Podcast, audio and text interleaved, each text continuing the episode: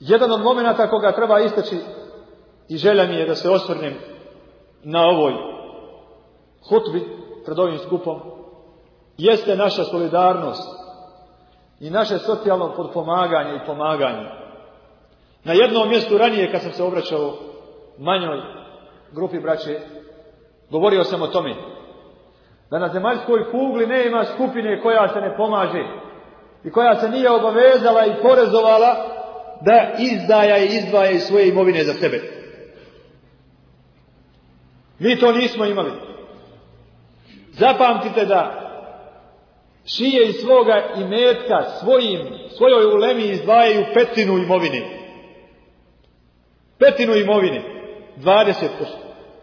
Allah Želešanu bogate je za potrebe siromašnih odredio 2,5%. Islamska zajednica također sebe financira. Svaka druga vjerska zajednica. Međutim, ima li nešto tako kod nas? Ima li takve institucije kod nas? Koliko ti, koliko ja, koliko mi dajemo dobrovoljno, a koliko obavezno za sebe? Za nas. Znači mi, nazovite nas kako hoćete, posebni smo od, druga, od drugih, drugačiji smo od drugih. Pomažemo mi sebe, dajemo mi sebi nešto. Ja ne znam da dajemo.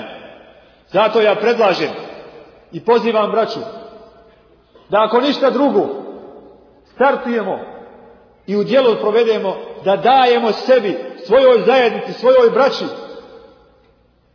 makar jedan posto iz svoje imovine.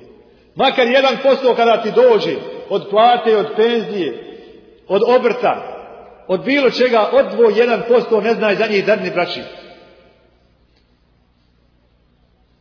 Imam osjećaj da bi onoliko koliko nas je Allah dao u zemlji i vani, da bismo mogli određene režije, kirije i ostalo što nam treba za naš davetski, ako ne drugi rad, mogli podmiriti. S kakvim obrazom tražiti od Allaha Želešanu Kakvim obrazom tražiti od drugih ili čekati od drugih? Svaki ima pravo da ti kaže, tamam, kome dajem? Da vidim kako ti to radiš, jesi pomagao sam sebi ili pomažete li jedni drugima? Ima li toga među vama? i nema, mi tražimo od tebe.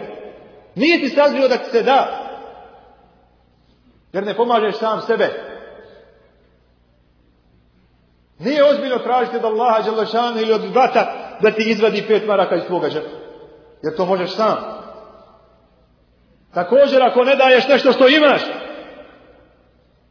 i ne poloviš sa svojim bratom, prvi muslimani se znali odricati čitava imetka, znali su se zajmati ako su kod koga mogli zajmati za velike stvari. Danas su velike stvari. Danas je pitanje opstanka ovdje. Danas je pitanje hoćeš li imati toga brata ili ćeš ga izgubiti. Ovdje da ćeš ga izgubiti ili će izaći izvan zemlje. Jer taj brat ima u spisku svoje opštine zavedenje. Ima u knjizi rođenih. Ima i paša da iz ove zemlje. Znamo se i otac i majka. I može za svaki dokument. Ali ne ima kuće u toj zemlji. I zbog toga mora napuštati zemlju. Ili zbog toga mora napuštati vjeru da bi napravio kuću, da bi mu se smilovao neko komu je uvjetovao ostavljanje zemlje da bi mu dao, ostavljanje vjere da bi mu dao kuću da živi.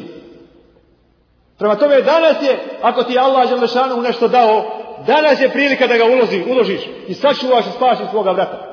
Danas, danas je na nama ako smo naučili one lekcije, verbalno ako smo ih naučili.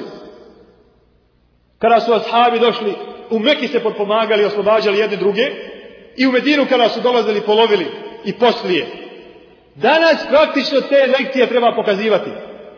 Ne samo ako imaš i ako ti Allah dao da zveče, nego ako ti Allah pameti i snage dao da znaš i uposliš se i da sebi svoj san staviš predoći i kažeš želim to i to Želim u tom i tom gradu objekat taj, prostorije te.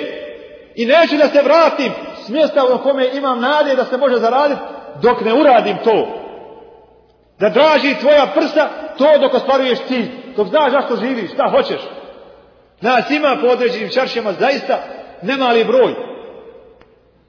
Međutim, je li iko do sada našao sebi, izborio se za, za jedno mjesto, da je jedan kroz jedan naše, da možemo upražnjavati naše poslove. Slabi smo na tome. Bićemo još slabiji ako se ne odozovem i ako ne shvatimo ovo. Ne možeš ovdje. Izvedi pasoš, tiđi u zemlju u kojoj se zarađuje, zarađuj. Ali nemoj da se uspavaš. Nego radi i ostvaruj onu potrebu koja te je istjerala iz tvoje domovine, istjerala te iz tvoje kuće. I učimo i muško i žensko znanja tražimo.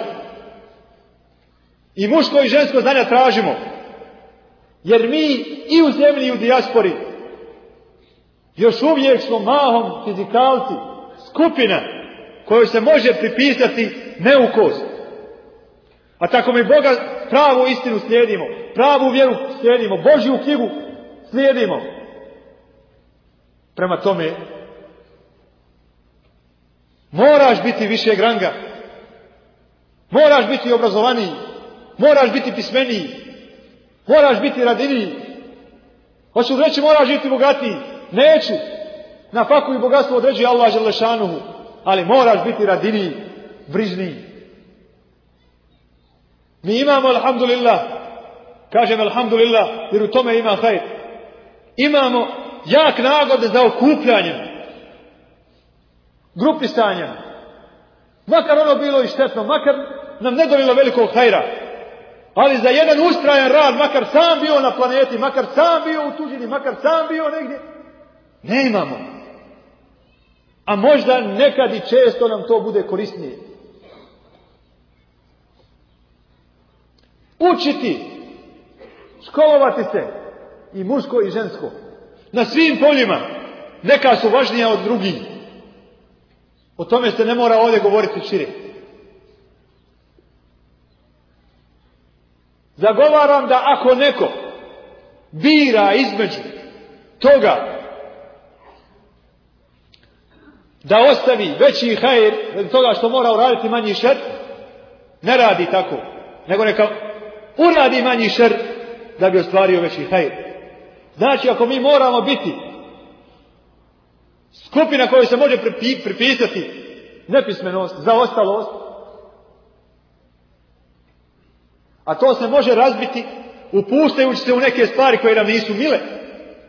Zato što našoj sestri nije drago biti u sredini gdje će biti sama. Možda napadana, možda vriježana, možda će morati da pregleda mušku osobu studirajući medicinu, na primjer. Bira između toga ili da mi nemamo na kraju doktorite primjera radi jedno mora. Šta je veće zlo? I na drugim poljima. Ili ne imati taj kadar. Ili se ne probiti na, na, tom polju. Ili uraditi te stvari koje drugačije ne možeš. Takav im je put. Zalažem se da se hvatamo u koštac sa tim iskušenjima i sa tim problemima ciljajući da sutra našoj djeci, da sutra nama svima bude bolje i lakše i komotnije.